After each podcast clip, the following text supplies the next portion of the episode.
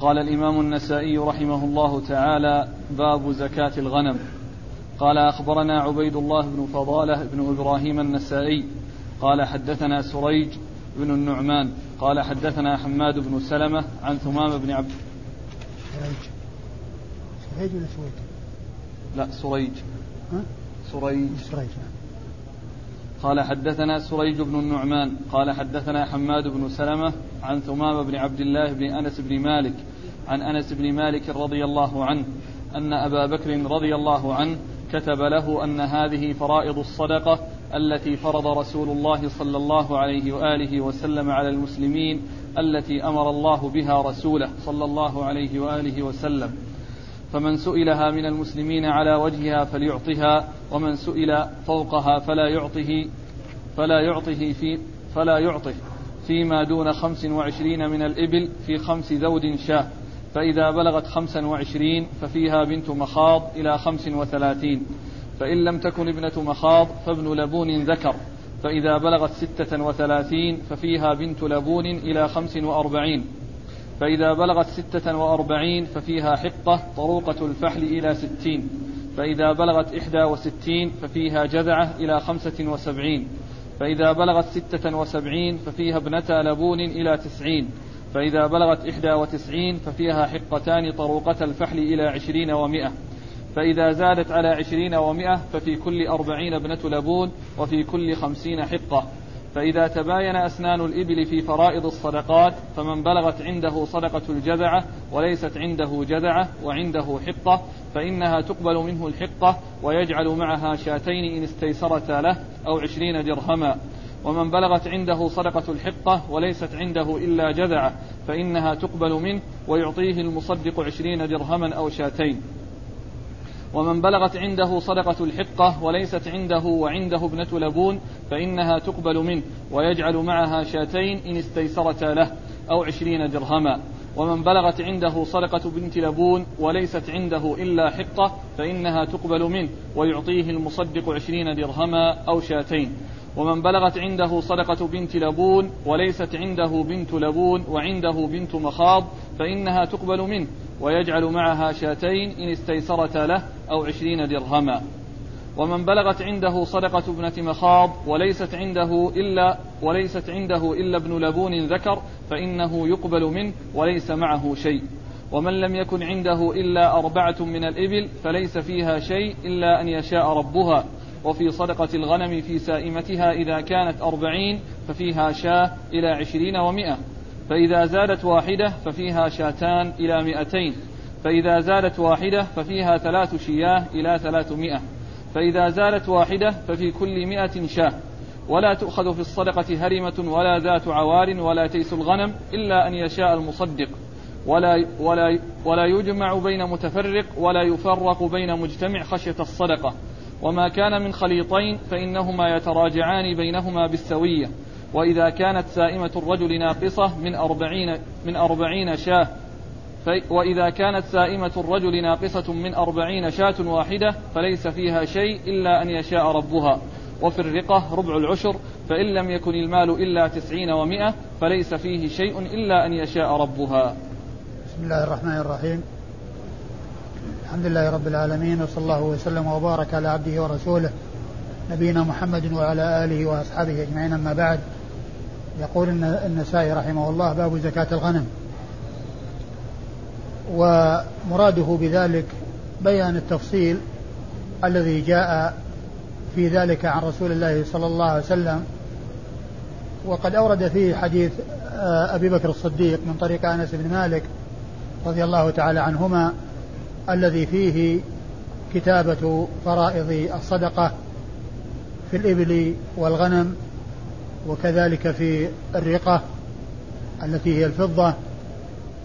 وفي هذا الحديث تفصيل ما يتعلق بزكاة الإبل وما يتعلق بزكاة الغنم. وقد مر هذا الحديث بطوله وبما فيه من التفصيل في باب زكاة الإبل. من نفس الطريق إلا أنه من آه، من حديث أنس عن أبي بكر إلا أنه جاء من طريق أخرى عن الإمام النسائي رحمه الله. وقد عرفنا ما يتعلق بهذا الحديث هناك عند الكلام على زكاة الإبل ونذكر آه، ما يتعلق بالإسناد الذي آه، لم يأتي من قبل. يقول النسائي أخبرنا. أخبرنا عبيد الله بن أخبرنا فضالة. عبيد الله بن فضالة بن إبراهيم النسائي وهو ثقة أخرج حديثه النسائي وحده. عن سريج بن النعمان. عن سريج بن النعمان وهو ثقة يهم قليلا وحديثه أخرجه البخاري وأصحاب السنن. نعم. وحديثه أخرجه البخاري وأصحاب السنن. عن حماد بن سلمة. عن حماد بن سلمة وهو ثقة أخرج حديثه البخاري تعليقا ومسلم. وأصحاب السنن الأربعة. عن ثمامة ابن أنس ابن عبد الله بن أنس وهو صدوق أخرج حديثه أصحاب الكتب الستة. عن أنس بن مالك رضي الله عنه صاحب رسول الله صلى الله عليه وسلم وأحد الصحابة المعروفين بكثرة الحديث عن النبي صلى الله عليه وسلم. عن أبي بكر الصديق رضي الله عنه آه، خليفة رسول الله صلى الله عليه وسلم وأفضل الصحابة على الإطلاق وهو خير من مشى على الأرض. بعد الأنبياء والمرسلين صلوات الله وسلامه وبركاته على رسله ورضي الله عن الصحابة أجمعين وهو صاحب الفضائل الجمة والمناقب الكثيرة رضي الله تعالى عنه وأرضاه. نعم. قال باب مانع زكاة الغنم. قال أخبرنا محمد بن عبد الله بن المبارك قال حدثنا وكيع قال حدثنا الأعمش عن المعرور بن سويد عن أبي ذر رضي الله عنه أنه قال قال رسول الله صلى الله عليه وآله وسلم ما من صاحب إبل ولا بقر ولا غنم لا يؤدي زكاتها إلا جاءت يوم القيامة أعظم ما كانت وأسمنه تنطحه بقرونها وتطأه بأخفافها كلما نفدت أخراها أعادت عليه أولاها حتى يقضى بين الناس ثم أورد النسائي هذه الترجمة وهي باب آه، مانع زكاة باب. مانع زكاة الغنم أي عقوبته في الآخرة. وقد أورد النسائي حديث أبي ذر رضي الله عنه الذي فيه أنه ما من صاحب إبل ولا بقر ولا غنم إلا إذا جاء يوم القيامة وطح لها بقاع قرقر فتطأه ذات آه، القرون بقرونها وذات الظلف بأظلافها وتضعه وتطأه ذات الخف بأخفافها في آه، حتى يقضى بين الناس. ومعنى هذا أنه يعذب بها يوم القيامة.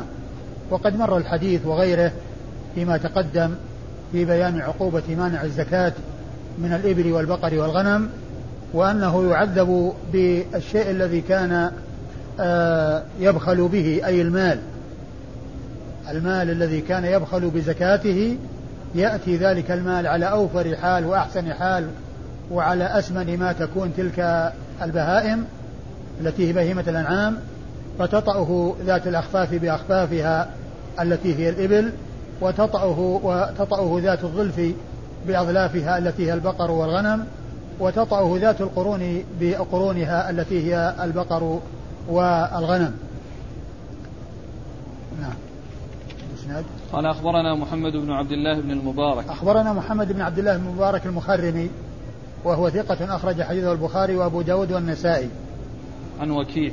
عن وكيع بن الجراح رؤاسي الكوفي وهو ثقة أخرج له أصحاب الكتب الستة. عن الأعمش. عن الأعمش وهو سليمان بن مهران الكاهلي الكوفي وهو ثقة أخرج له أصحاب الكتب الستة والأعمش لقب له اشتهر به واسمه سليمان بن مهران. عن المعرور بن سويد. عن المعرور بن سويد عن المعرور بن سويد وهو ثقة أخرج له أصحاب الكتب الستة. وقد ذكرت في آه، درس مضى أن مما ذكر في ترجمته أنه كان عمره 120 سنة وكان أسود شعر الرأس واللحية. عن أبي ذر. عن أبي ذر جندب بن جنادة صاحب رسول الله صلى الله عليه وسلم وحديثه أخرجه أصحاب الكتب الستة.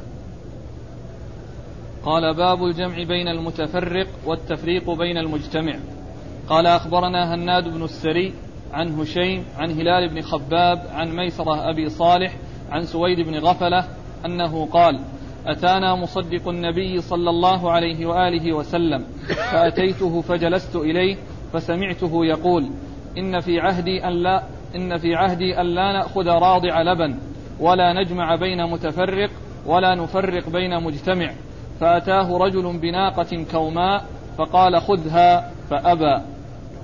ثم ورد النسائي هذه الترجمة وهي الجمع بين المتفرق والتفريق بين المجتمع وقد أورد فيه حديث آه، مصدق رسول الله آه، مصدق رسول الله صلى الله عليه وسلم الذي أرسله لجباية الصدقات لأنه هنا سويد بن غفلة هو ليس صحابي وإنما كان في زمن النبي صلى الله عليه وسلم وقدم إلى المدينة في اليوم الذي توفي فيه رسول الله بعد دفنه بعدما دفن الرسول صلى الله عليه وسلم وصل إلى المدينة في ذلك اليوم فلم يدرك النبي صلى الله عليه وسلم ولم يلقه.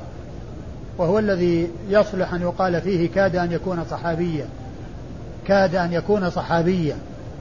وقد ذكر في ترجمة الصنابحي أنه كان قدم من اليمن ولما يعني يريد أن يلقى النبي صلى الله عليه وسلم ويتشرف بصحبته فلما كان بالجحفة آه، وإذا ركب قدم من المدينة فالتقوا به فأخبروهم بأنه بأن النبي صلى الله عليه وسلم آه، دفن البارحة. أي أنه آه، كاد أن يصل أو كاد أن يكون صحابيا لأنه جاء ليكون صحابيا فلما وصل الجحفة وهي المكان الذي يقال له رابغ وقريب من رابغ جاءهم ركب من المدينة يخبرونهم بأن النبي صلى الله عليه وسلم توفي وأنه دفن في الأمس وقالوا في ترجمته كاد أن يكون صحابيا. وسويد بن غفلة كذلك جاء في اليوم الذي دفن فيه الرسول صلى الله عليه وسلم بعدما دفن فهو كاد أن يكون صحابيا. والحديث عن المصدق, المصدق يعني صاحب الحديث أو الذي يسند إلى الرسول صلى الله عليه وسلم آه هو مصدق رسول الله صلى الله عليه وسلم. وسويد بن غفلة لم يلقى النبي صلى الله عليه وسلم ولم يدركه ولم يره ولم, ولم يره. أدرك زمانه وكان مسلما في حياته ولكنه لم يلقه. فهذا المصدق سمعه سويد بن غفلة بعد أن جاء لأخذ الزكاة أنه يقول في عهدي يعني العهد الذي عهد إليه رسول الله صلى الله عليه وسلم به هذا العهد الذي عهد إليه به والذي عهد إليه هو الرسول صلى الله عليه وسلم لأنه مصدق رسول الله صلى الله عليه وسلم. ألا يأخذ راضعا. وفسر الراضع بأنه الذي يرضع وهذا لصغره. وأخذه يكون فيه مضرة أو عدم فائدة للمساكين والفقراء لأن كونه يؤخذ الصغير الذي يرضع يعني معناه أنه آه، يكون فيه آه، نقص وضرر في حق آه، المساكين والضعفاء الذين لهم الزكاة.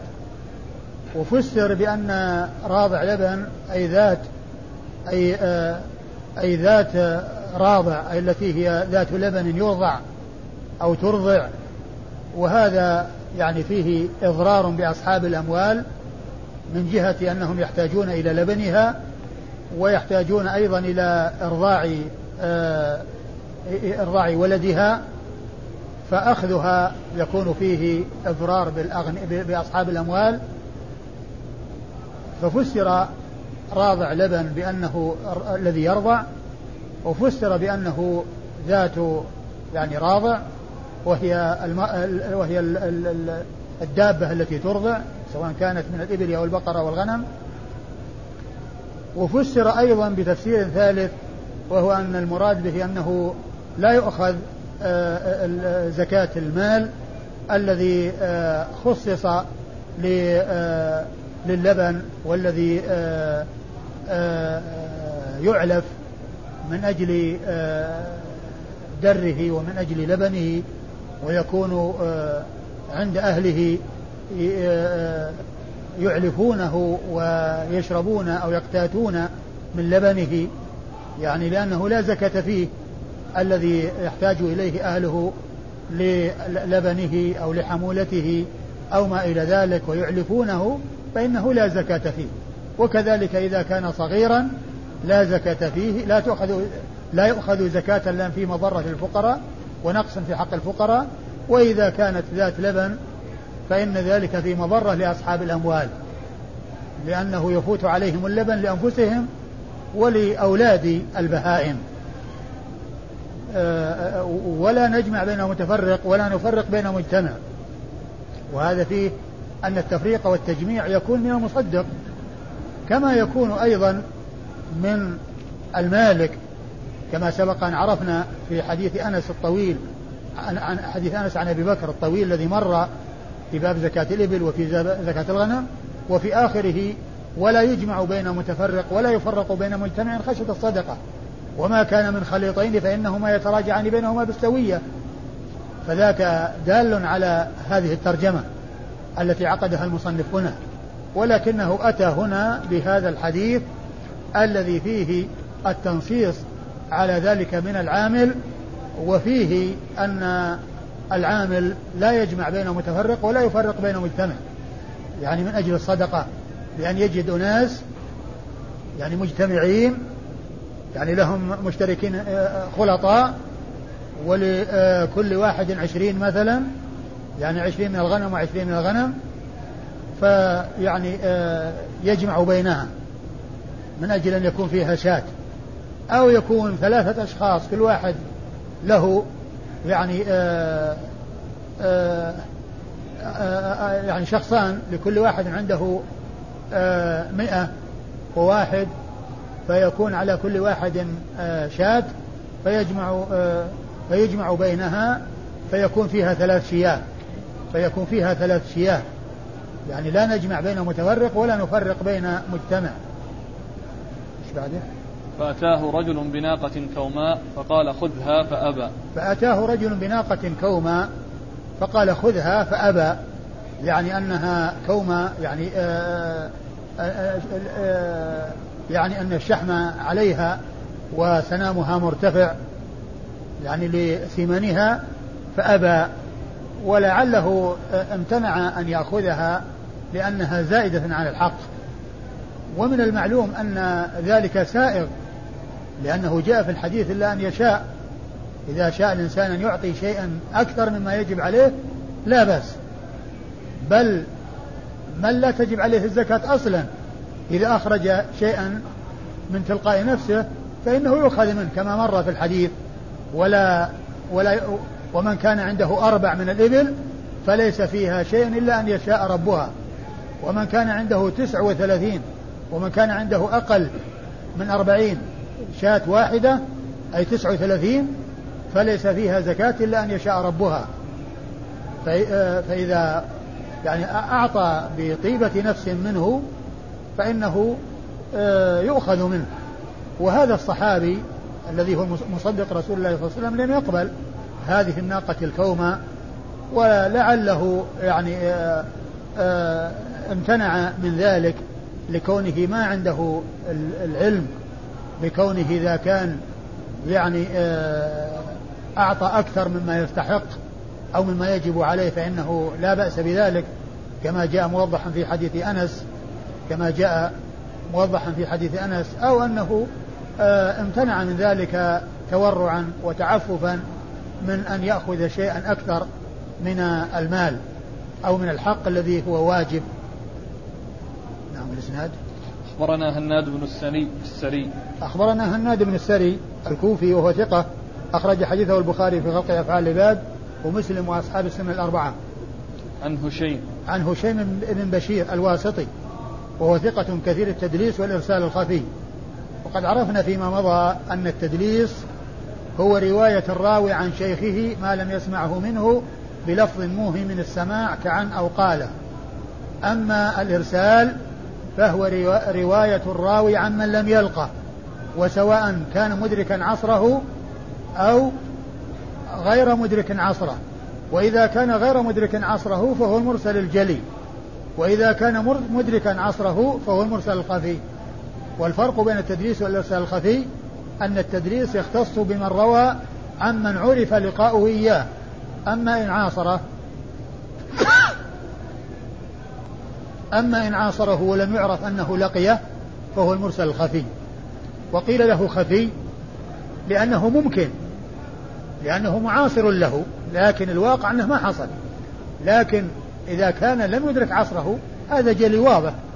لأنه مثلا هذا ولد بعد أن مات هذا أو بينه وبينه مسافة طويلة فهذا مرسل جلي. فهو شيء من بشير الواسطي ثقة كثير التدليس والإرسال الخفي وحديثه أخرجه أصحاب الكتب الستة. عن هلال بن خباب. عن هلال بن خباب وهو صدوق. نعم أخرج له أصحاب الكتب. وهو صدوق أخرج له. أصحاب الكتب. صدوق أخرج له أصحاب الكتب. أصحاب الكتب ولا أصحاب السنة الأربعة؟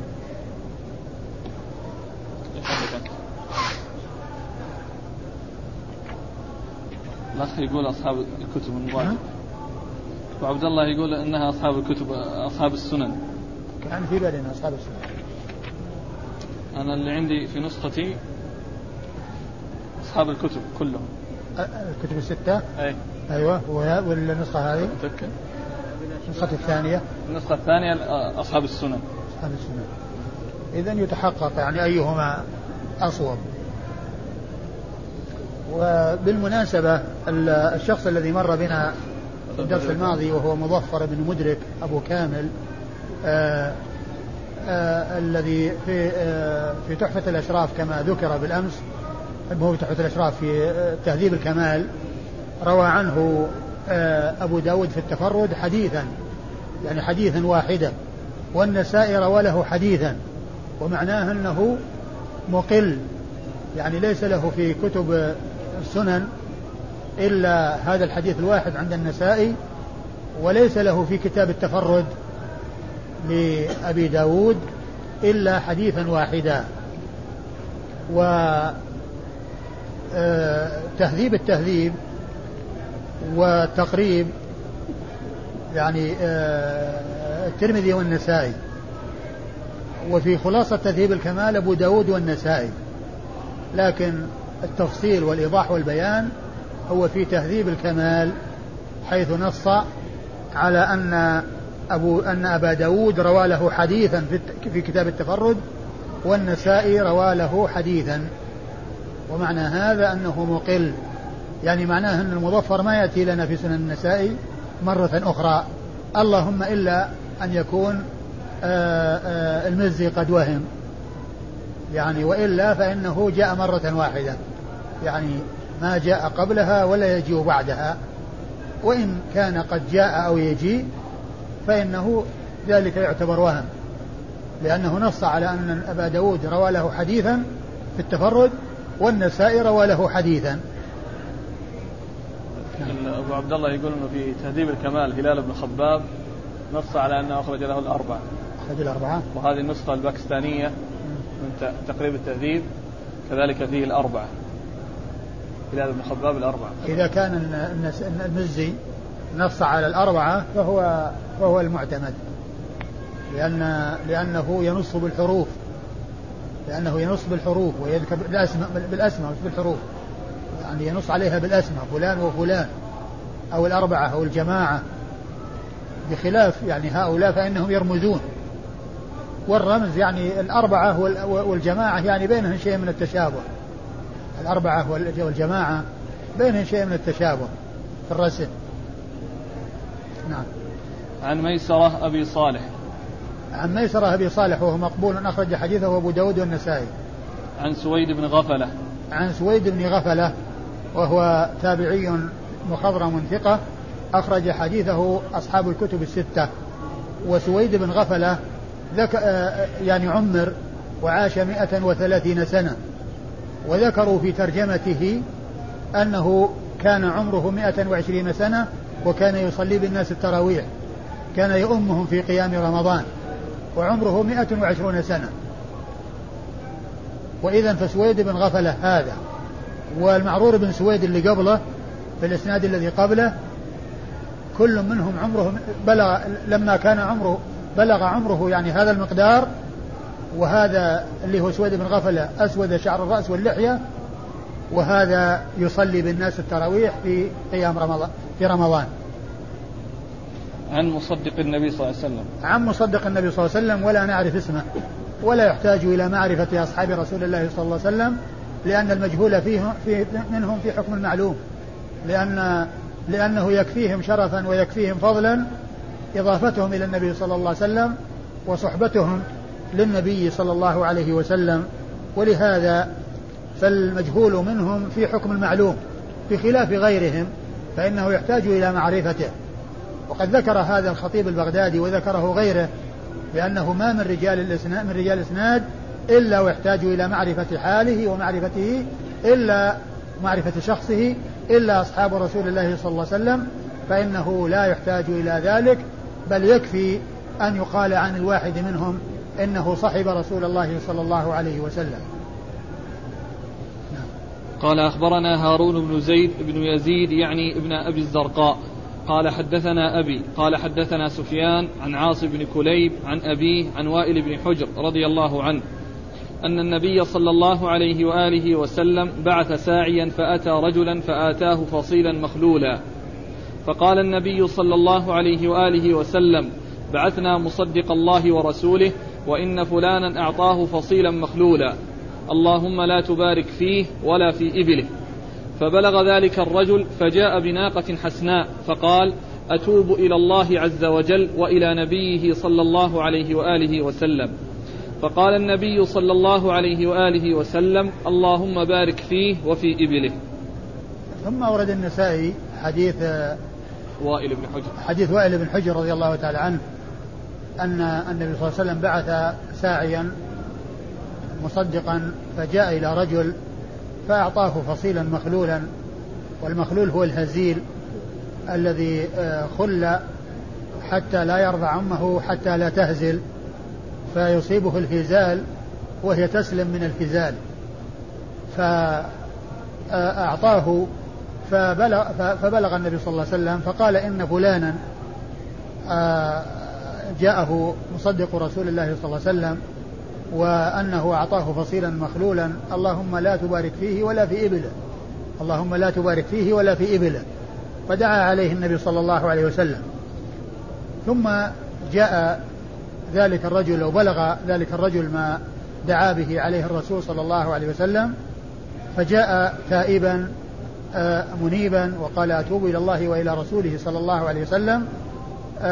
وجاء بناقة حسنة فقال اللهم بارك فيه وفي إبله. اللهم بارك فيه وفي إبله. وهذا الحديث لا علاقة له بالترجمة السابقة التي هي الجمع بين المتفرق والتفريق بين المجتمع لأنه ليس فيه شيء يتعلق بهذا. ليس فيه شيء يتعلق بهذا. وهو أقرب ما يكون للباب الذي يليه لأن فيه دعاء آه لأصحاب الصدقة والباب الذي يليه يتعلق بالصلاة صلاة الإمام على أصحاب الصدقة أي دعاؤه لهم فهو أشبه وأقرب إلى الباب الذي يليه. وفي السنن الكبرى يعني أورد هذه الترجمة آه تحت يعني باب أيضا ما له علاقة وهو تراجع الخليطين بينهما بالسوية. باب تراجع الخليطين بينهما بالسوية وأورد هذا الحديث وحده وليس فيه شيء يتعلق بهذا الموضوع. ولكن كما أشرت الذي يبدو أن أقرب شيء إليه الباب الذي يليه وهو صلاة الإمام على صاحب الصدقة أي دعاؤه له أي دعاؤه له فهو أشبه بالباب الذي يليه ولا يظهر آه، دخوله في الباب الذي وضع تحته وهو الجمع بين متفرق والتفريق آه، الجمع بين الجمع بين مفترق والتفريق بين مجتمع. والرسول صلى الله عليه وسلم دعا عليه أولا فأثر عليه ذلك فجاء بناقة حسنة فدعا له النبي صلى الله عليه وسلم. وقال المعلق يعني عند دعائه عليه قال إن ثبت على صدقته يعني معناه كأن هذا الدعاء أنه آه، مقيد بكونه آه، على هذا النقص وعلى هذا الذنب الذي اقترفه وهو كونه لم يؤدي الواجب الذي عليه كما ينبغي لكنه بعد أن جاء به وأدى الحق الذي عليه دعا له النبي صلى الله عليه وسلم. وإذا فدعاء النبي صلى الله عليه وسلم له في آخر الحديث هو الذي يليق بالباب الذي يليه وهو الصلاة على صاحب الصدقة لأن الصلاة تأتي بمعنى الدعاء. الصلاة هي بمعنى الدعاء. نعم لا المتن. فيه. نعم. بعث بعثنا مصدق الله ورسوله. نعم بعثنا مصدق الله ورسوله. يعني هذا المصدق يعني كما هو معلوم بعثه الرسول صلى الله عليه وسلم.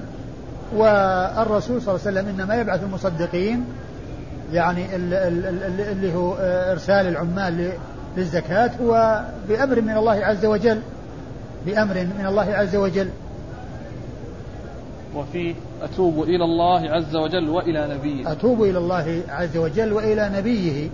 يعني معناه أن, أن الذي حصل منه أنه يعني آه، رجع عنه وأنه يطلب من النبي صلى الله عليه وسلم أن يعفو عنه ما حصل منه. وأيضا يطلب منه أن يدعو له بعد بدل أن أن دعا عليه. لكن مثل هذه العبارة هل تقال بعد وفاة النبي ما تقال لا. ما تقال. قال أخبرنا هارون بن زيد بن يزيد يعني ابن أبي الزرقاء. أخبرنا هارون بن زيد بن يزيد. هارون بن زيد بن يزيد أي بن أبي الزرقاء وهو صدوق أخرج له أبو داود والنسائي. وهو صدوق أخرج له أبو داود والنسائي. عن أبيه وهو ثقة أخرج له أبو داود والنسائي. عن سفيان. عن سفيان هو الثوري سفيان بن سعيد بن مسروق الثوري وهو ثقة فقيه آه، وصف بأنه أمير المؤمنين في الحديث وحديثه أخرجه أصحاب الكتب الستة. عن عاصم بن كليب. عن عاصم بن كليب بن شهاب وهو صدوق أخرج حديثه البخاري تعليقا ومسلم وأصحاب السنة الأربعة. عن أبيه. عن أبيه آه، آه، كليب, كليب بن بن شهاب وهو وهو صدوق أخرج حديثه أصحاب السنن. أخرج والبخاري في رفع اليدين. البخاري في رفع اليدين. وأصحاب السنن. البخاري في رفع اليدين نعم البخاري في رفع اليدين وأصحاب السنن. نعم. عن وائل بن حجر. عن وائل بن حجر صاحب رسول الله صلى الله عليه وسلم وحديثه أخرجه البخاري في جزء القراءة ومسلم وأصحاب السنن الأربعة. قال باب صلاة الإمام على صاحب الصدقة. قال أخبرنا عمرو بن يزيد قال حدثنا بهز بن أسد قال حدثنا شعبة قال قال حدثنا شعبة قال قال عمرو بن مرة أو قال عمرو بن مرة أخبرني قال سمعت عبد الله بن أبي أوفى قال كان رسول الله صلى الله عليه وآله وسلم إذا أتاه قوم بصدقتهم قال اللهم صل على آل فلان فأتاه أبي بصدقته فقال اللهم صل على آل أبي أوفى. ثم ورد النسائي صلاة الإمام على صاحب الصدقة. صلاة الإمام على صاحب الصدقة أي دعاؤه له أي دعاؤه له لأن الصلاة هي الدعاء. وقد أورد النسائي حديث عبد الله بن أبي أوفى رضي الله تعالى عنه أن النبي صلى الله عليه وسلم كان إذا أتاه صاحب صدقة صلى صلى عليه أن أن النبي صلى الله عليه وسلم إذا أتاه قوم بصدقتهم إذا قال كان أتاه قوم بصدقتهم قال اللهم صل على آل فلان. صل على آل فلان وإنه جاءه أبي بصدقة بصدقته فقال وأنه جاء بصدقته فقال اللهم صل على آل أبي أوفى. اللهم صل على آل أبي أوفى. وهي دعاء. ومن المعلوم أن أن أن أن أن المصدق أن المصدق يدعى له يعني سواء بالصلاة أو بالدعاء كما جاء في الحديث الذي قبل هذا اللهم بارك فيه وفي إبله اللهم بارك فيه وفي إبله. يعني معناه أن أن أن المصدق الذي هو المالك يدعى له. عندما تؤخذ منه الصدقة يدعو له العامل الذي يأخذها منه. ويتقبلها منه. نعم. قال أخبرنا عمرو بن يزيد. أخبرنا عمرو بن يزيد الجرمي وهو صدوق. نعم. صدوق أخرج حديثه النسائي وحده. عن بهز بن أسد. عن بهز بن أسد العمي وهو ثقة ثبت أخرج حديثه أصحاب الكتب الستة. عن شعبة. عن شعبة بن الحجاج الواسطي ثم البصري وهو ثقة وصف بأنه أمير المؤمنين في الحديث وحديثه أخرجه أصحاب الكتب الستة. عن عمرو بن مرة. عن عمرو بن مرة وهو ثقة أخرج له أصحاب الكتب. وفي الإسناد يعني عندما قال عن عن شعبة قال عمرو بن مرة أخبرني. أخبرني؟ نعم. قال عمرو بن مرة أخبرني. وهذا فيه تقديم الاسم على الصيغة ويفعله بعض المحدثين ومنهم شعبة. وهذا من فعله. فإنه يعني يستعمله كثيرا بأن يقدم الاسم على الصيغة. يعني بدل ما يقول حدثني عمرو بن مرة يقول عمرو بن مرة أخبرني. عمرو بن مرة أخبرني. هذا تقديم الاسم على الصيغة ولا بأس به سواء قدم الاسم أو أخر. يعني قيل حدثني عمرو بن مرة أو قيل قال عمرو بن مرة حدثني. كل ذلك صحيح لكن هذا اصطلاح يعني يفعله بعض المحدثين ومنهم شعبة وقد ذكرت ذلك في الفوائد المنتقاة من فتح الباري. وكتب أخرى وأن الحافظ بن حجر ذكر عن شعبة أنه يستعمل ذلك كثيرا. عن عبد الله بن أبي أوفى. عن عبد الله بن أبي أوفى صاحب رسول الله صلى الله عليه وسلم وحديثه أخرجه أصحاب الكتب الستة. قال باب باب إذا جاوز في الصدقة. قال أخبرنا محمد بن المثنى ومحمد بن بشار واللفظ له. قال حدثنا يحيى عن محمد بن عن محمد بن أبي إسماعيل عن عبد الرحمن بن هلال أنه قال قال جرير رضي الله عنه أتى النبي صلى الله عليه وآله وسلم ناس من الأعراب فقالوا يا رسول الله يأتينا ناس من مصدقيك يظلمون. قال قال أرض مصدقيكم. قالوا وإن ظلم؟ قال أرض مصدقيكم. ثم قالوا وإن ظلم؟ قال أرض مصدقيكم. قال جرير رضي الله عنه فما صدر عني مصدق منذ سمعت من رسول الله صلى الله عليه وآله وسلم إلا وهو راض. ثم ورد النسائي هذه الترجمة وإذا جاوز إذا جاوز إذا جاوز في الصدقة. إذا جاوز في الصدقة. إذا جاوز في الصدقة يعني جاوز الحد المطلوب أو الحد الواجب. يعني آه ومقصود من هذا أو معنى هذا أنه إذا كان من المالك فهذا سائغ.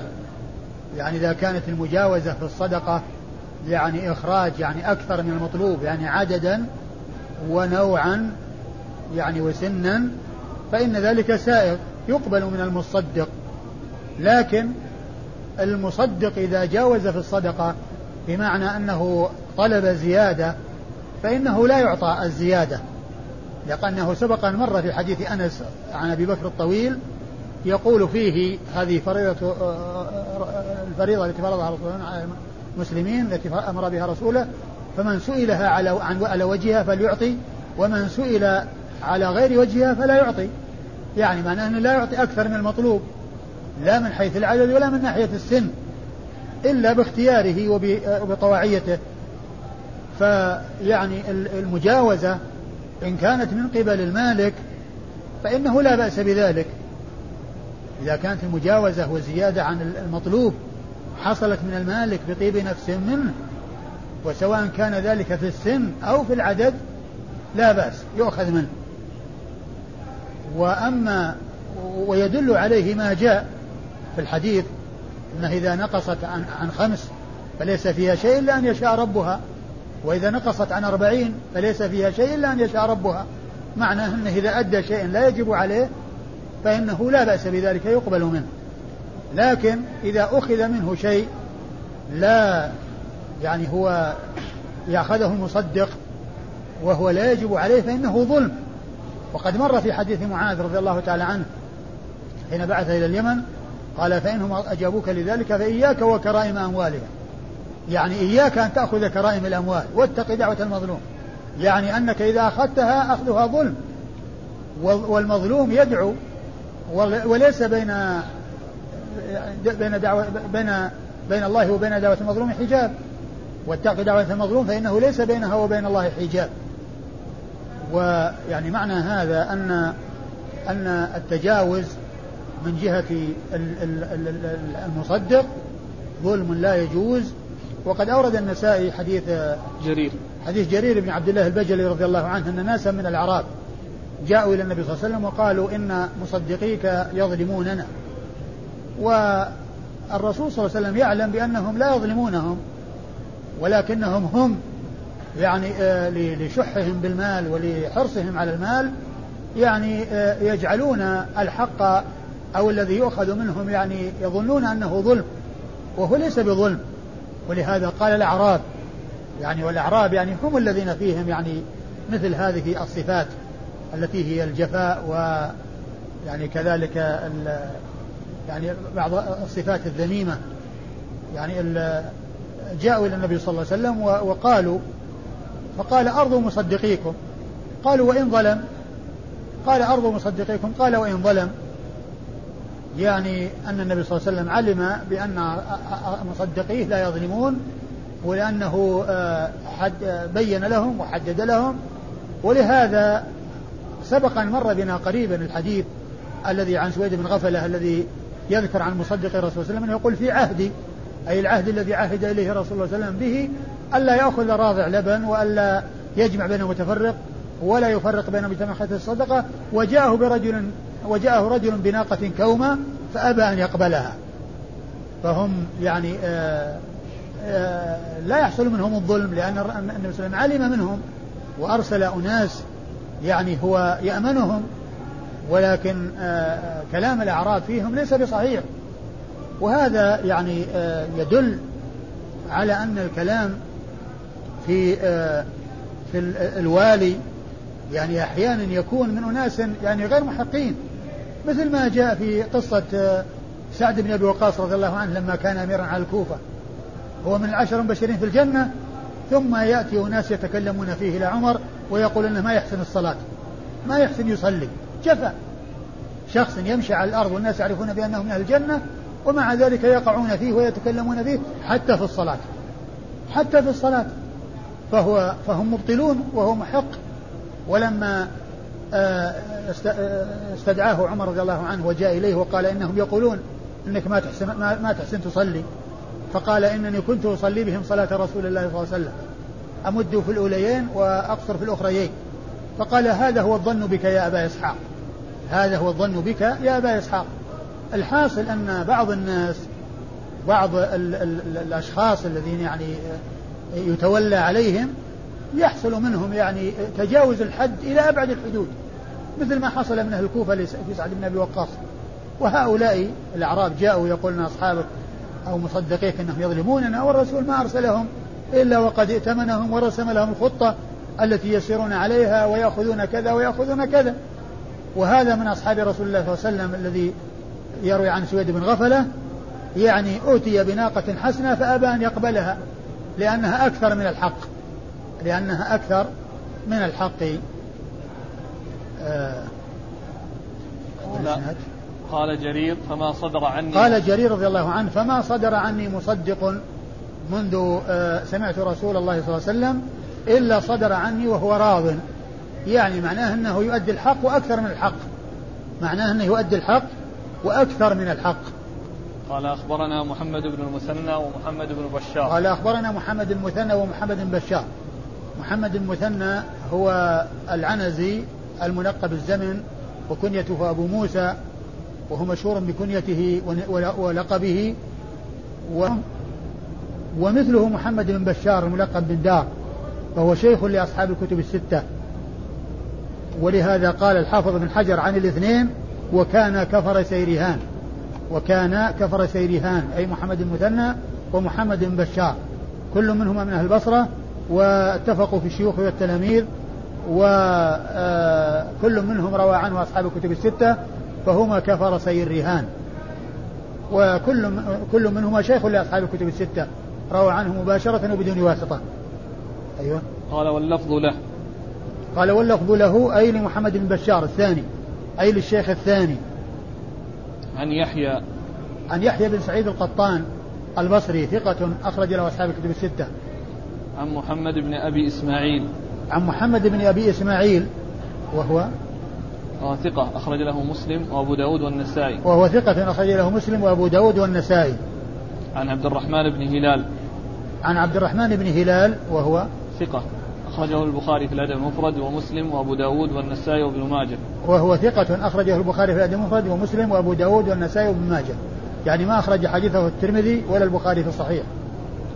عن جرير. عن جرير بن عبد الله البجلي صاحب رسول الله صلى الله عليه وسلم.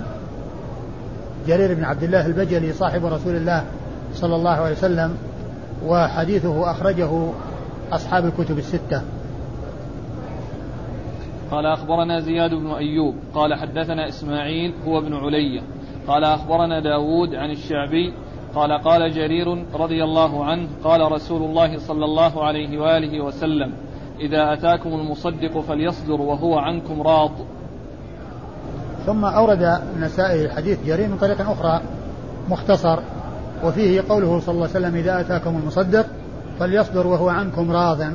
بمعنى أنه لا يحصل منهم يعني آه، شيء يعني من الشح وشيء يعني يجعله يعني يكون بينه وبينهم شيء لأنهم أخلوا بالواجب ولأنه آه، تعب معهم في الحصول على الواجب بل يؤدون بسهولة ويسر حتى يكون هناك ارتياح من الطرفين وحتى يكون هناك سلامة لأنه ليس معنى ذلك أنه يرضى بمعنى أنه يأخذ شيء كثير أو أنه يعني يعطى أكثر من اللازم لا.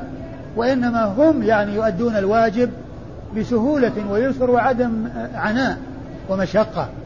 لأنه إذا حصل منهم التلكؤ وحصل منهم البخل بالشيء الذي هو واجب يعني يحصل بينه وبينهم أخذ ورد وأن هذا لا يعني لا يجزي وأننا نريد كذا وكذا. فهو يريد أن يكون من أول وهلة يعني يعطونه الحق فيكون راضيا عنهم وليس المقصود من ذلك أنهم يعني يعطونه أكثر من اللازم يعني رضاه يعني أنهم يعطونه أكثر من اللازم وإنما معناه أنهم يعطونه الواجب يعطونه الواجب بسهولة ويسر بدون عناء وبدون الحاح وبدون أخذ ورد يعني يأتي الإنسان ويتحقق ويمشي. بدون ما يقول والله لا هذه ما نقبلها أعطينا غيرها شوف يعني هذه هذه دون هذه أقل من الواجب. لا يعطيها من أول وهلة الشيء الواجب فيكون المصدق راض عنهم راض عنهم من أول وهلة. ما يكون فيه يعني شيء في النفس أول ثم في النهاية يعطونه الواجب. نعم الإسناد. أخبرنا زياد بن أيوب. أخبرنا زياد بن أيوب وهو ثقة أخرج له البخاري وأبو داود والترمذي والنسائي. البخاري وأبو داود والترمذي والنسائي. عن إسماعيل هو ابن علي. عن إسماعيل هو ابن علي. إسماعيل بن إبراهيم بن مقسم وهو ثقة أخرج له أصحاب الكتب الستة. وابن علي هذه آه، آه، آه، اشتهر بها وهي أمه يعني نسبة إلى أمه وقد اشتهر بها. عن داود. عن داود بن أبي هند وهو ثقة أخرج له البخاري تعليقا. ومسلم وأصحاب السنة الأربعة. عن الشعبي. عن الشعبي وهو عامر بن شراحيل. عامر بن شراحيل وهو ثقة أخرج له أصحاب الكتب الستة. عن جرير. عن جرير بن عبد الله البجلي رضي الله تعالى عنه وقد مر ذكره. شو الباب اللي بعده؟ باب إعطاء السيد المال بغير اختيار المصدق والله تعالى أعلم وصلى الله وسلم وبارك على عبده ورسوله نبينا محمد وعلى آله وأصحابه أجمعين.